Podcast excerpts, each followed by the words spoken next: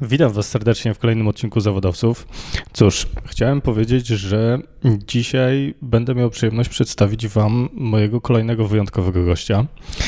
I właśnie sobie zdałem sprawę z tego, że w sumie zapowiadam tak każdy odcinek. No ale to e, tylko i wyłącznie dlatego, że dokładnie tak e, czuję i mam takie przeświadczenie, że osoby, które z którymi się spotykam i które prezentuję Wam w naszych rozmowach, są naprawdę wyjątkowe. Wyjątkowe w tym, co robią, tym, jakie są i e, tym, czym się zajmują. Dzisiaj moim i waszym gościem będzie Jarosław Kuźniar. Dziennikarz, osoba od wielu lat związana z radiem, z telewizją. Powiem wam, że nasze spotkanie było zupełnie przypadkowe. Poznaliśmy się na stacji benzynowej gdzieś na trasie Wrocław-Warszawa. No i po prostu podszedłem, przedstawiłem się, wspomniałem o tym, że tłumaczę filmy Garego Wajnerczuka na YouTubie. No i cóż, no i zapytałem o to, czy byłaby szansa na, na wspólny podcast. I minęło kilka czy kilkanaście dni, odezwałem się jeszcze raz, przypomniałem się. No i słuchajcie, i koniec końców wylądowałem nie tylko w samochodzie u Jarka Kuźniara, w którym nagrywaliśmy pierwszą część tego wywiadu, ale koniec końców nawet w samochodzie Onet Rano, w którym e, tego pięknego, słonecznego dnia zapowiadałem pogodę. Także jest mi niezwykle miło przedstawić Wam kolejnego gościa podcastu Zawodowcy, którym jest Jarosław Kuźniar. Dziękuję i do usłyszenia. Muszę Wam jeszcze serdecznie podziękować za jedną rzecz, mianowicie za recenzje, które widziałem właśnie na iTunesie. Co mogę powiedzieć? No, biorę się dalej do pracy i przygotowuję dla Was kolejne audycje. Jeszcze raz serdecznie dziękuję, polecam się. Do usłyszenia.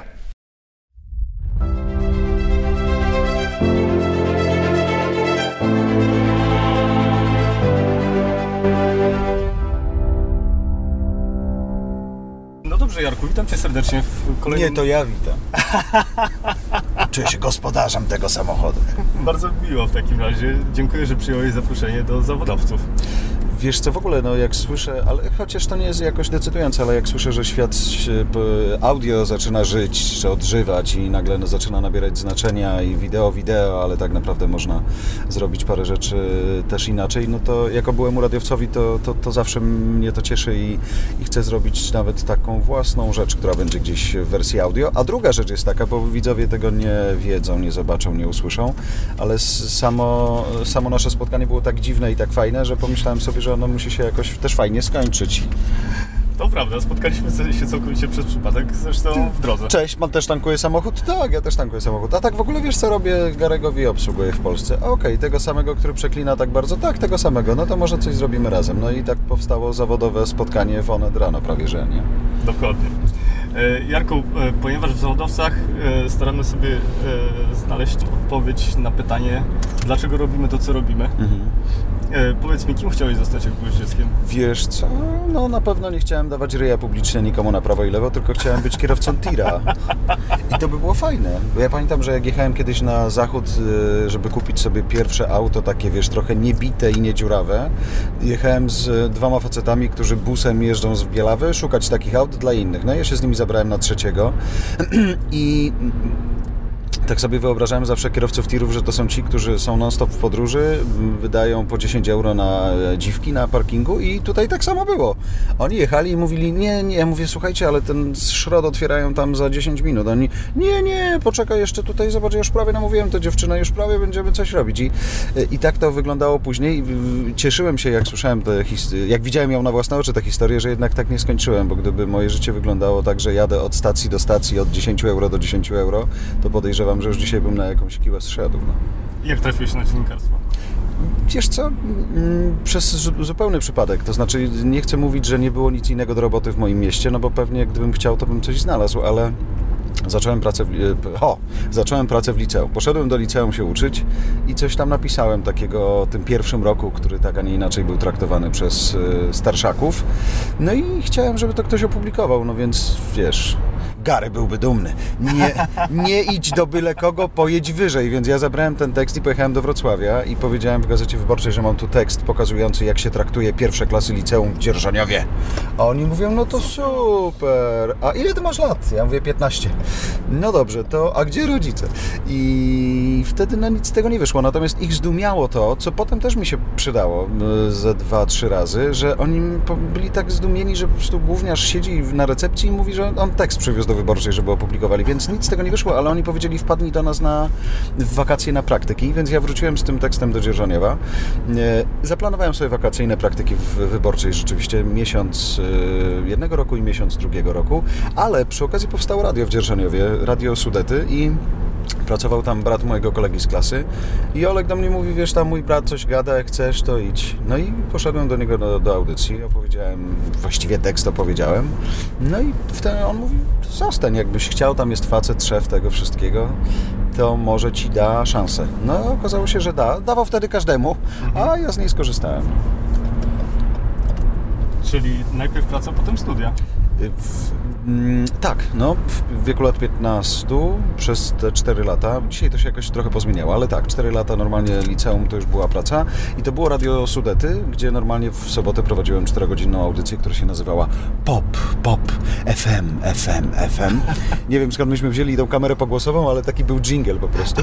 I graliśmy muzykę z kaset, co było fajne, ja coś tam gadałem, I tak te 4 godziny soboty nam mijały, natomiast yy, później zachciało mi się robić coś więcej i zadzwoniłem do Radia, do Radia Wrocław na tej samej zasadzie, na której e, pojechałem do Gazety Wyborczej. Powiedziałem, że dzień dobry, nazywam się Jarek Kuźniar, pracuję sobie tutaj w Radiu Sudety, ale chętnie bym wysyłał do Was korespondencję do regionalnego radia, wiesz, to było coś -hmm. takiego bardzo, bardzo dużego dla mnie wtedy.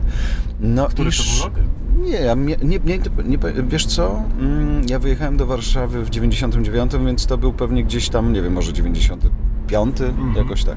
I ten szef tej redakcji, pewnie tak samo jak Ci wtedy w Wyborczej, taki zaskoczony, mówi, dobrze, to proszę coś tam nagrać i wysłać. No więc ja im później telefonicznie nagrywałem do serwisów lokalnych jakieś takie newsy z Bielawy, Dzierżoniewa czy skądkolwiek. To było fajne, wiesz, zamykałem się w pokoju e, i robiłem wszystko, żeby matka nie weszła i nie krzyczała tam śmieci, bez przerwy! A ja w tym czasie nadawałem relacje, więc ale wysyłałem i ta radość słyszenia tego, że wiesz, tam 17.30 albo 18.00 i oni Cię na koniec puszczają w serwisie, Oczywiście, że najczęściej szły kryminałki, ale nie tylko. Jak było coś takiego fajnego, to, to się działo i ta praktyka była najważniejsza, więc się tego trzymałem. Mhm. No dobrze, to powiedz mi, mm, to czego nauczyły Cię studia? Studia mnie nauczyły tego, żeby później studentom e, dziennikarstwa mówić, że źle wybrali. Nie, nie, ale był taki moment, że po prostu uczelnie mnie nie chciały nigdzie zapraszać ani wpuszczać, bo ja mówiłem studentom, że to jest bez sensu, co oni robią. Ale dzisiaj mam nawet taki pomysł e, i chyba zrobię własne, może nie studia dziennikarskie, ale chcę zrobić taki, takie laboratorium, gdzie chciałbym skrzyknąć moich kolegów dziennikarzy, e, do których mam, myślę, dobry kontakt, tak żebyśmy stworzyli taką grupę ludzi, do których przyszli dziennikarze albo studiujący dziennikarstwo, albo, albo, albo aspirujący do bycia dziennikarzem. Ludzie mogli przyjść i się czegoś od nas nauczyć. E, ale żeby to nie było pod auspicjami żadnej uczelni, bo to jest po prostu u nich, to działa trochę jak evencik, nie? Raz do roku zrobisz jakiś tam zlot i wtedy zaprosisz dwóch dziennikarzy i oni coś studentom opowiedzą.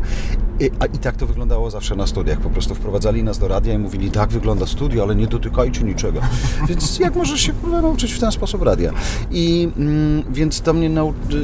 nie no, trochę mnie nauczyły tego, że wiesz, trzeba, mm, trzeba czasem poza praktyką, praktyką, praktyką i takim szaleństwem bycia nad jednym, drugim, trzecim dyżurze usiąść, coś przeczytać, coś spróbować zrozumieć, przyłożyć się do czegoś e, i, i przygotować się do jakiegoś egzaminu i tak dalej, więc one jakiejś tam regularności mnie uczyły, ale generalnie to tak, to nie był, jakby dla dziennikarza to chyba nie był wtedy, w tamtym czasie i w takim ułożeniu tych studiów dobry moment, bo kompletnie nie miałem szans nauczyć się tam dziennikarstwa, nie? Mhm. Okej, okay, filologia polska tak, bo baza musi być i ona się mhm. zawsze przydaje, choćbyś nie wiem, czy robił, wiesz, 15-sekundowe filmiki na Insta Stories, czy, czy gadał 4 godziny o Smoleńsku, to musisz być dobrze do tego przygotowany, więc ta, tamten background się przydał, natomiast no, on praktyki nie dawał żadnej. To od kogo najwięcej się nauczyłeś? Wiesz co, yy, chyba w, znaczy w ogóle w każdym z tych miejsc było coś takiego, co dzisiaj kompletnie zniknęło, że, yy, ale też może dlatego, że ja byłem naprawdę młodym gnajkiem, patrząc na, na target kolegów i oni, yy, i oni wtedy mm, jakby z takim ojcem, tak, trochę tak jak ojciec, wiesz, próbuje ci coś wytłumaczyć, nie? Mhm. Jeśli ma chwilę. I oni mieli chwilę, żeby mi tam wytłumaczyć jedną, drugą, trzecią rzecz i podpowiadali, natomiast chyba najbardziej mm, w trójce, dlatego, że jakby to był wtedy taki czas, tam właśnie lata 90., E, I później też. Tak, że w ogóle marzysz sobie, cholera, jak już mam gdzieś pracować, to w trójce i jak już masz tę robotę, to już nic nie musisz. No, osiągnąłeś szczyt szczytów. Mhm. I to było... I to był taki, takie miejsce też, gdzie ja trafiłem mając lat 20, nie wiem, 2 czy 3 mhm. do środowiska ludzi, którzy mieli zdecydowanie więcej. Szczególnie ci, którzy występowali na antenie. To byli doświadczeni reporterzy i doświadczeni prowadzący, więc y, tam też był taki, taka chwila, że wszystkie legendarne nazwiska tego, tego, tego radia, czy w ogóle polskiej radiofonii, nie? Miałeś tak, mhm. że ja na, na, dzisiaj oczywiście co, wspominam to niesamowicie, ale wtedy nie bardzo ani go nie rozumiałem, ani go nie czytałem, ani, ani nie znałem, ale y, młody Beksiński, który w sobotę miał, wiesz, audycję wieczorem, y, tworzył te swoje dziwne, czarne klimaty w ogóle, wiesz, i wchodziłeś do takiego studia między jednym a drugim utworem i między niesamowitą gadką gościa takiego jak Beksiński młody mhm. i czytaj serwis informacyjny, nie? Mhm. Mogłeś go w ogóle zapytać, czy mu się podoba to, co ty robisz.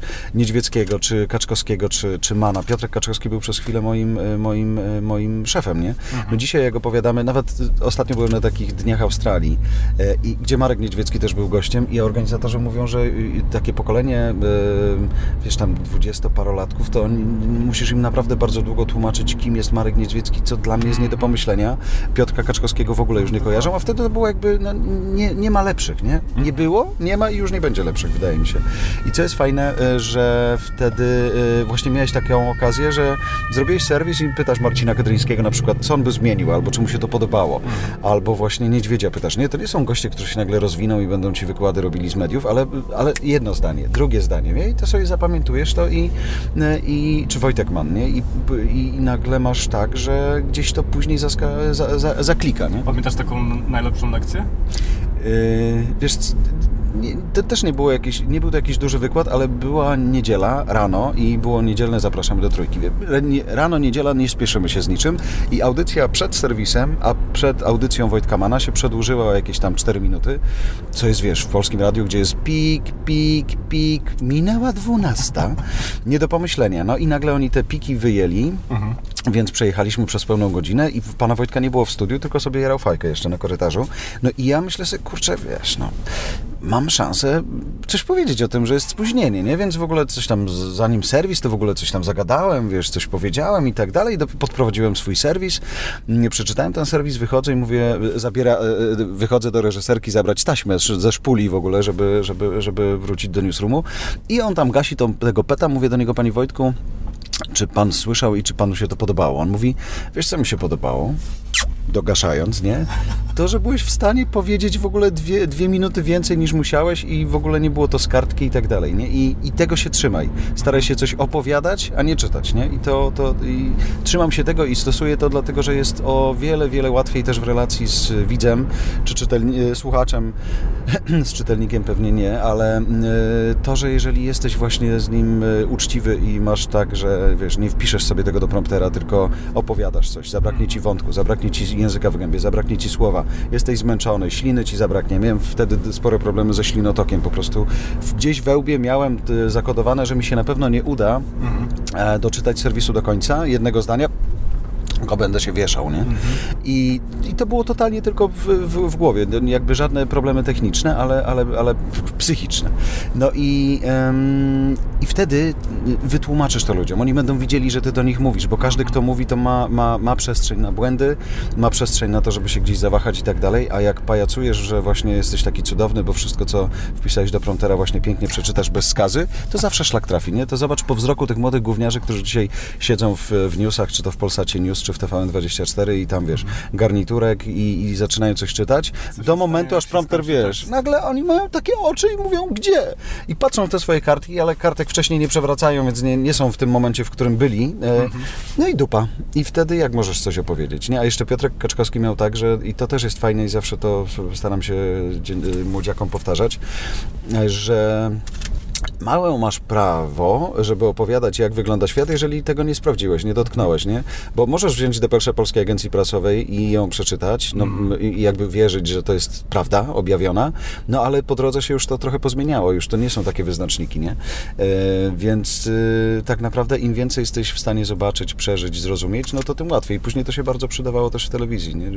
Wizyta w mhm. Japonii przydawała się do wytłumaczenia ludziom, jak wygląda fala tsunami, dlaczego tak mało Japończyków przy okazji ginie, trzęsie ziemi, bo i się zaczyna historia, nie? Więc to tak. No właśnie, i dlaczego zamieniłeś y, mikrofon na kamerę?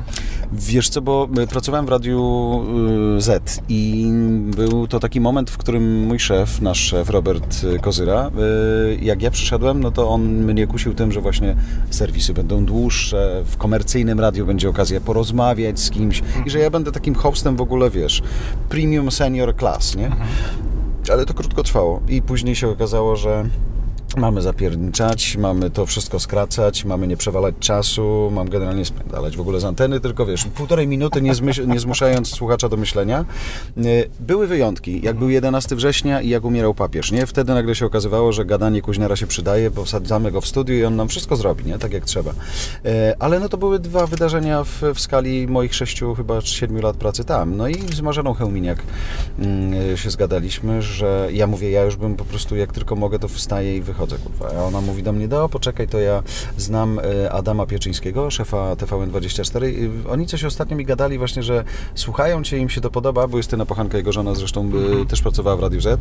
No i oni się tylko zastanawiają, jak Ty byś wygląał w telewizji. Ja mówię, no to, to dawaj, chodź, pojedziemy i nagramy coś, nie?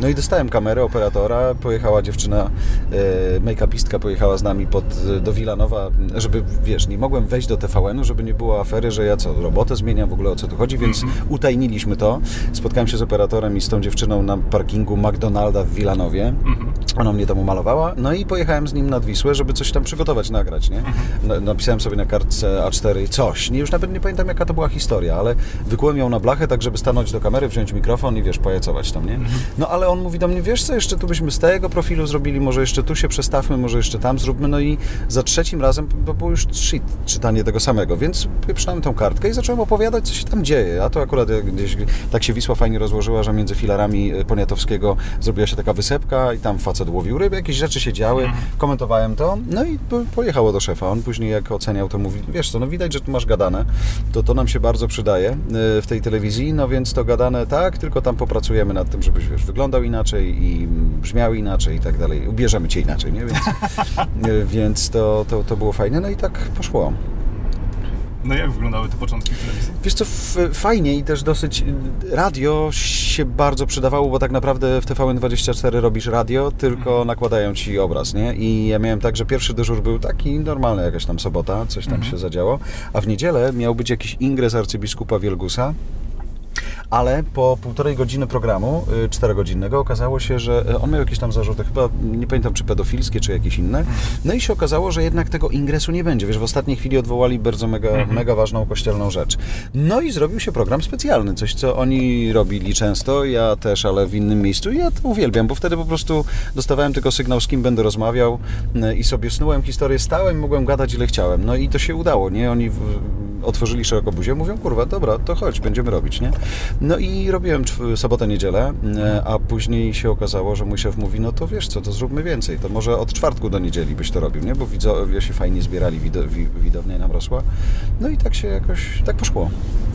W sumie byłeś w TVN-ie w momencie, kiedy telewizja chyba osiągnęła szczyt popularności w, w Polsce. Mm, wiesz co, tak, no taka informacyjna tak. Chociaż to jest też tak, jak dzisiaj nawet popatrzeć na Amerykę, że a w czasach trudnych, takich albo takich e, jak dzisiaj Amerykanie mają politycznie, albo jak my mamy, no to jest tak, że czego byś nie zrobił, jak durnego paska nie, nie wiem, co by się nie działo, to jak postawisz kamerę i zrobisz żółty pasek albo czerwony, to po prostu ludzie są w liczbie rekordowej. Tak jest i w CNN dzisiaj, i w TVN24. PiS bardzo sprzyja e, oglądalności mediów informacyjnych, naprawdę. I to jest cała chwała im za to, że po prostu ludzie są i, i, i, i oglądają.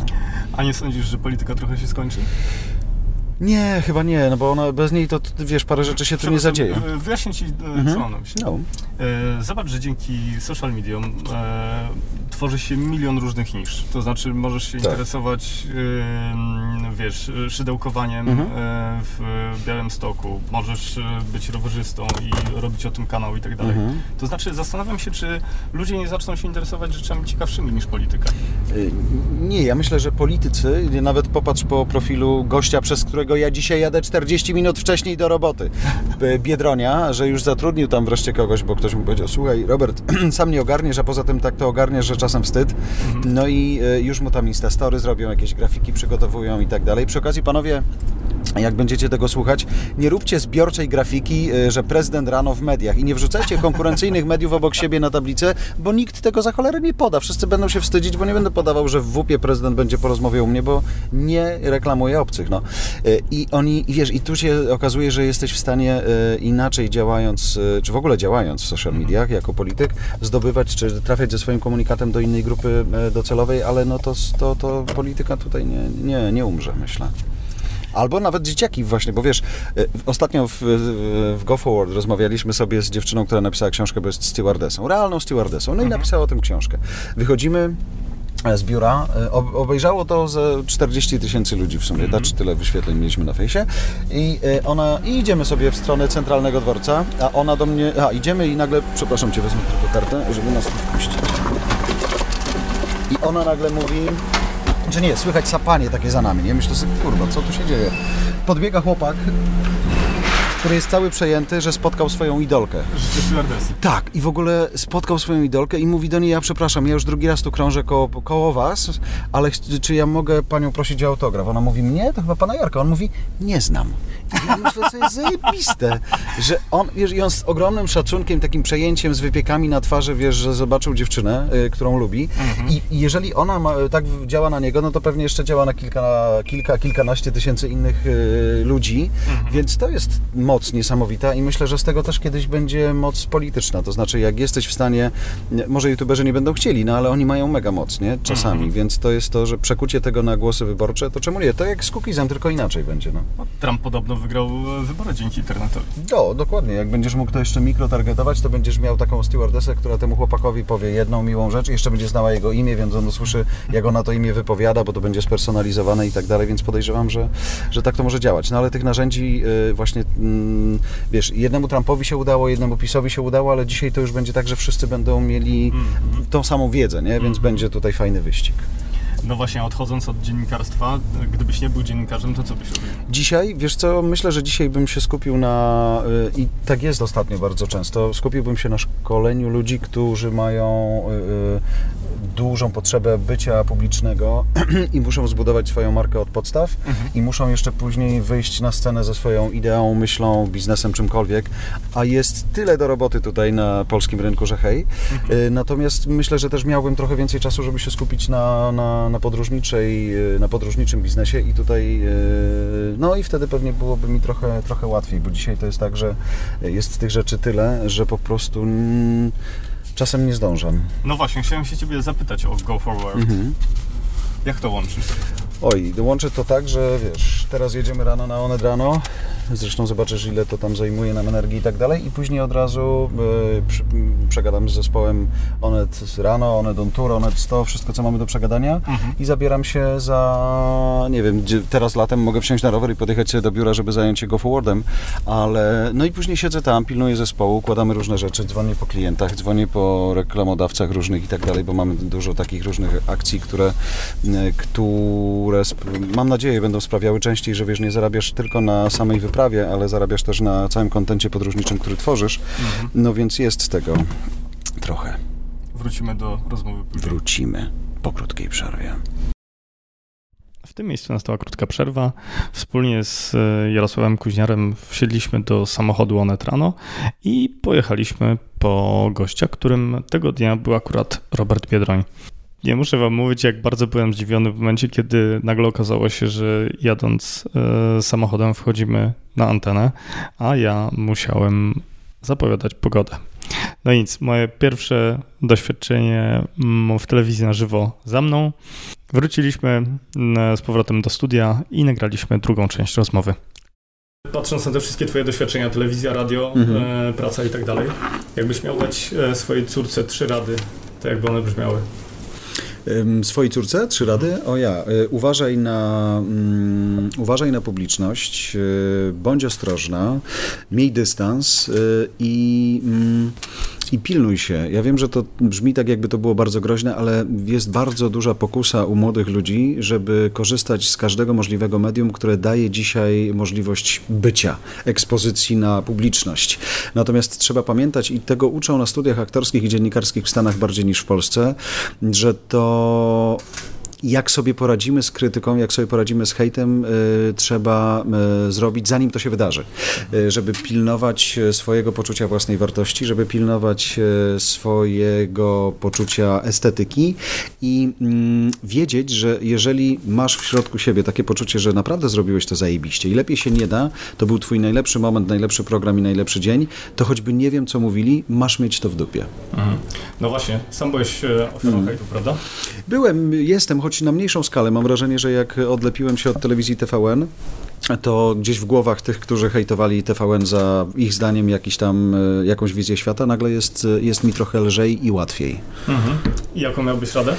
Wiesz, to, to tak naprawdę e, hejt nie jest naszym problemem, to znaczy nie jest problemem ludzi, e, na których spływa, w tym takim mm, sensie dosłownym. On jest bardziej problemem tych, którzy go z siebie wyrzucają w taki czy inny sposób. Natomiast ci, których on dotyczy, muszą wiedzieć, że, że to jest chwilowe, że to nie powinno ich boleć, że nie mogą tego wpuścić do środka, swojego środka, czy to głowy, czy serca, e, bo, bo to jest groźne, bo wtedy przegrasz. I że tak naprawdę mm, ta łaska mm, widzów, fanów, dzisiaj szczególnie w tych czasach, kiedy każdy z nas coś nadaje, każdy z nas ma jakąś publiczność, jeździ na bardzo pstrym koniu, bo oni mają bardzo dużo możliwości wyboru, więc oni sobie będą przeskakiwać z e, osoby na osobę i może się zdarzyć tak, że w ciągu e, tygodnia ci, którzy cię najbardziej nienawidzą, widzą, y, jeszcze zdążą cię pokochać. Minęły dwa lata, odkąd uruchomiliście telewizję w Onecie. Mm -hmm. Pamiętasz twoją pierwszą rozmowę w ogóle?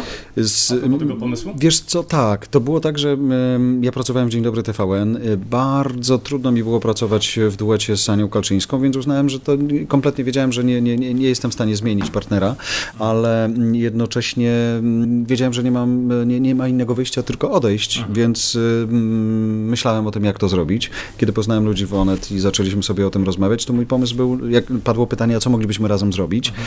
No to ja jestem gościem, który od lat robi coś rano, więc chciałem, żeby też rzeczywiście spróbować zbudować e, program, miejsce, cokolwiek, takiego, co będzie jakby odnosiło się do mojej emocji i do moich, e, do moich umiejętności. A ponieważ pracując w Dzień Dobry TVN miałem dwie godziny wolne rano, takie, które zwykle wykorzystywałem na TVN24, no to y, zaproponowałem, żebyśmy to, co robię w aucie na mikroskalę, czyli jeden telefon, jeden statyw do telefonu i, i wykorzystywanie peryskopa, przemienić na coś, co jest profesjonalne i y, okazało się, że dobra, mówią, to zainwestujmy, zbudujmy studio, które będzie jakby takim sprofesjonalizowaniem tego, co robisz. Y, I okazało się, że mm, w miarę szybko udało nam się znaleźć partnera mm, motoryzacyjnego, no a później firmę, która to zbuduje. I tak jak wam opowiadałem, to jest taka firma, która robi różne rzeczy dla różnych tajnych agencji. I kiedy pojechaliśmy do nich, mówiąc, słuchajcie, chcielibyśmy zrobić to i to, no to dobrali sprzęt, dobrali pomysł i to już jest trzecia albo czwarta wersja tego studia i widzę fajnie, jak pewne rzeczy się poprawiają. Raz nam się tylko zdarzyło, że, mm, że pogoda pokrzyżowała nasze plany, ale też ona je pokrzyżowała dlatego, że był błąd y, konstrukcyjny studia. Panowie kabel z anteny na dachu poprowadzili w taki sposób, że woda sobie miała którędy ściekać do skrzynki, w której jest cały sprzęt. Mhm. Więc zrobiło się zwarcie tuż przed programem, no i szlak to trafił, więc panowie poprowadzili kabel inaczej, posprzątali, wysuszyli i, i zaczęło działać. Dobrze. Czy potrafisz sobie wyobrazić przyszłość, jak sądzisz, jak będzie wyglądało, skoro nadawać może każdy i za darmo? Nadawać może każdy i za darmo, ale wydaje mi się, że paradoksalnie przyszłość będzie polegała na tym, że będziemy, że będą, że, że, że wartością będą ci, którzy nadają yy, najlepsze rzeczy i ludzie będą jeszcze chcieli za to zapłacić. Wiesz, tak mi się patrząc na Amerykę na przykład i na te czasy, które mamy, kiedy nawet studenci, nawet ludzie, którzy naprawdę ogarniają rzeczywistość, mają wątpliwość, czy to, co słyszą, czy widzą, to jest e, prawda, no to będą e, skłaniali się ku ludziom, przy których oni nie mają tej wątpliwości, wydaje mi się, nie? A za pracę takich ludzi trzeba zapłacić pieniądze, bo oni e, poświęcają trochę więcej tekstu i trochę więcej czasu na to, żeby coś napisać i opowiedzieć świat, niż 280 znaków, nie? Mhm. Nie wiem, czy słyszałeś, ale y, liczba abonentów Netflixa przekroczyła mm. ostatnio e, Słyszałem. liczbę no. abonentów telewizji kablowej. No. To jest fajne, dlatego że to też daje pewną wolność, nie? To znaczy masz platformę, która w sumie ona działa tak samo jak wszystko wszystko dookoła, mhm. natomiast ona ci pozwala na to, żebyś zobaczył to, kiedy chcesz, ale co jest, myślę, też wyróżnikiem i co jest, co sprawiło, że Netflix wygrywa, to jest też to, że to nie jest dostęp do jakiejś platformki z byle jakim kontentem, mhm. tylko ten kontent się obroni. Jak ja to pamiętam jeszcze z TVN-u, mieliśmy szefa, już nie, nie, nie, nie, nie będącego szefem TVN-u teraz, ale on powtarzał content is the king, content is the king i to się cholera przez 4 lata nie zmieniło. I nie zmieni, nie? Bo ponieważ każdy może, to wygra tylko ten, kto robi to naprawdę dobrze. Nie to, że to będzie dobrze udźwiękowione, to, że będzie to dobrze pokazane, że będziemy pilnować kadru, będziemy pilnować światła i będziemy pilnować sensu tego, co mówimy, bo to też jest najważniejsze. Nie? Czasem, czasem możesz nie mieć Bóg wie jakiej lustrzanki, możesz mieć tylko telefon komórkowy z kamerą, ale tak naprawdę e, ważne jest to, co się dzieje, w, co, co mówisz, nie co robisz. Właśnie chciałem o to zapytać. Jaką miałbyś radę dla tych osób, które nie dysponują zasobami? Ty masz mhm. studio, masz... E, no ale wiesz, no, ale teraz mam, natomiast tak naprawdę y, Olga Kuczyńska, ta stewardessa, z którą dzisiaj rano, rano rozmawialiśmy, ona ma, y, jak, y, robi sobie vloga, vloga możesz zrobić byle, byle jakim telefonem mhm. i tak naprawdę ważne jest to, czy masz coś do powiedzenia, nie? Czy mhm. jak się włączy guziczek live, no to czy będziesz w stanie mówić przez 5 minut i ci się wątek skończy, czy będziesz mówił 15 minut i wciąż to będzie ciekawe, nie? To tak jak dzisiaj, miałeś przykład, siedziałeś z nami w Onet rano i śmiał się z, Robert Biedroń, bo zerkał sobie, ile ludzi ogląda, ale wiesz, co jest fajne? Jak żeśmy przy niego, po niego, pod niego podjechali, to zaczęliśmy od 2000, wezmę tylko Face'a, nie? Mhm. Masz 2600 ludzi, którzy oglądają cię w, w, sekundę, jak podjeżdżasz pod Biedronia.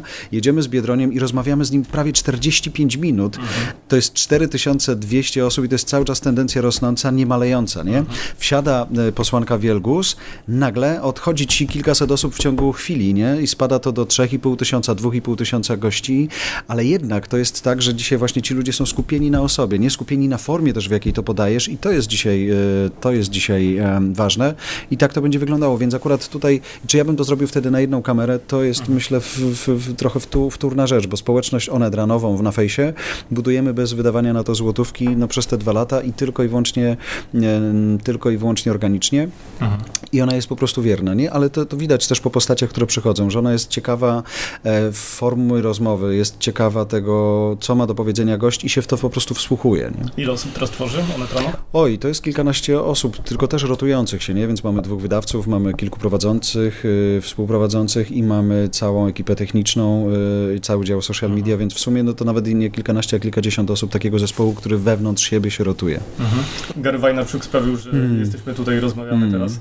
E, widziałem na twoim profilu, że też chyba e, śledzisz i obserwujesz e, to, co robi Gary. Wiesz co, bo ja mam takie wrażenie, że on jest takim gościem, który w, w, w świecie, który zaczyna mieć dystans do tych social mediów i tak dalej, pokazuje im, przestańcie jęczeć, tylko zacznijcie to wykorzystywać, bo to krzywdy wam nie zrobi. Jeśli już, to sami ją sobie z wykorzystaniem tych narzędzi zrobicie. Mhm. Więc posłuchajcie mnie i róbcie to mądrze. Ja wam powiem, jak to zrobić i jak można to wykorzystać, bo jeżeli świat się tam przeniósł i tam stamtąd czerpie wiedzę i e, wiedzę o świecie lub szuka produktów, które mogą kupić, to wy idąc tam, to wy, wygracie. Jeżeli was tam nie będzie, a będą tam wasi konkurenci, no to tym bardziej przegracie, nie? Więc mi się podoba prosty sposób, jaki to, to opowiada i zdecydowanie mm, jaki, zdecydowanie w, w, swoich, w swoim podejściu i w swojej opinii i podoba mi się też to, że mm, nie boi się tego, co inni oni powiedzą, nie? Czy on użyje dwóch kurew, czy jednego kutasa, to nie ma zupełnie znaczenia. Jakby przekaz się tutaj liczy i jak ja patrzę sobie na środowisko startupowe, to dlatego to jest ważne, nawet to ważne jest powiedzenie prostej rzeczy, rusz się do roboty mhm. Na 100 tysięcy sposobów, jak to robi Gary, dlatego, że ludziom się wydaje, że to jest łatwe, lekkie i przyjemne. Tak jak mi się wydaje, że usiądnięcie, przed, usiądnięcie powiedzmy przed kamerą i wypowiedzenie paru słów jest proste, mhm. tak samo zrobienie biznesu, ale jeżeli za tym usiądnięciem przed kamerą nie będzie mnóstwa godzin spędzonych na przygotowaniach, y, no to nie, nie wygrasz. I tak samo jest w biznesie, nie? Jak się nie ruszysz, nie zbierzesz, nie ogarniesz, nie zaryzykujesz, nie spróbujesz, nie przegrasz, nie dostaniesz w dupę, no to też nie wygrasz, nie? Pewnie. Ostatnie pytanie, co sądzisz na temat przyszłości audio? Przyszłości audio, no słyszę nawet od naszego szefa w Onecie, że to jest tendencja bardzo rosnąca na świecie, że nawet wideo w niektórych miejscach świata zaczyna z audio przegrywać. Ja zaczynałem w radiu i jakbym w ten sposób trochę mogę wrócić sobie do radia, więc to jest fajne. Wierzę, że powstanie trochę narzędzi, bo wiesz, gdyby była taka aplikacja, która mi pozwala z pewnej bazy muzycznej, ja sobie siadam w studiu, mam mikrofon, mhm. mam podłączenie do internetu i wiedzą ludzie, że Kuźnia Radio zaczyna tam o godzinie 6. Ja e, mam już przygotowaną jakąś bazę muzyczną, z której mogę sobie korzystać i mam, wiesz, i to na parę guzików działa i mogę sobie sam zrobić radio, to bym to robił z, z przyjemnością ogromną, więc y, Oby to w tą stronę szło. No, jakiś taki, bo zakładam, że audio to też jest szacunek do słowa, bo nie rozpraszasz nikogo wersją wideo, nie musisz Bóg wie czego robić, tylko to jest właśnie ten moment, który był zawsze fajny w radiu, nie? Włączamy mikrofony i czarujemy ludzi. Czy usłyszymy twój podcast? Chciałbym. y, Chciałbym dlatego, że y, jak słyszysz, jak, jak, jak, jak, widzisz, lu- lubię gadać. y, Jeżdżąc po, po, po świecie mam taką potrzebę e, opowiadania tego, co widziałem, a nie mam czasu pisać. Więc wierzę, że jeżeli ja znajdę sobie kwadrans czy 30 minut na to, żeby w fajnym miejscu usiąść i e, tak czarować słowem, żeby ludzie jakby przenosili się trochę ze mną w tą podróż, no to chciałbym to robić. Super, w takim razie trzymam kciuki za twój podcastowy Dziękuję. Mam nadzieję, że będzie zawodowy. Realizujesz. E, W związku z tym, że jesteś super zapracowanym człowiekiem, bardzo ci dziękuję. Dziękuję wam też. czas i poświęciłeś go. No i wiesz, miałeś przynajmniej debiut na antenie. No. Wielkie dzięki. Dziękuję.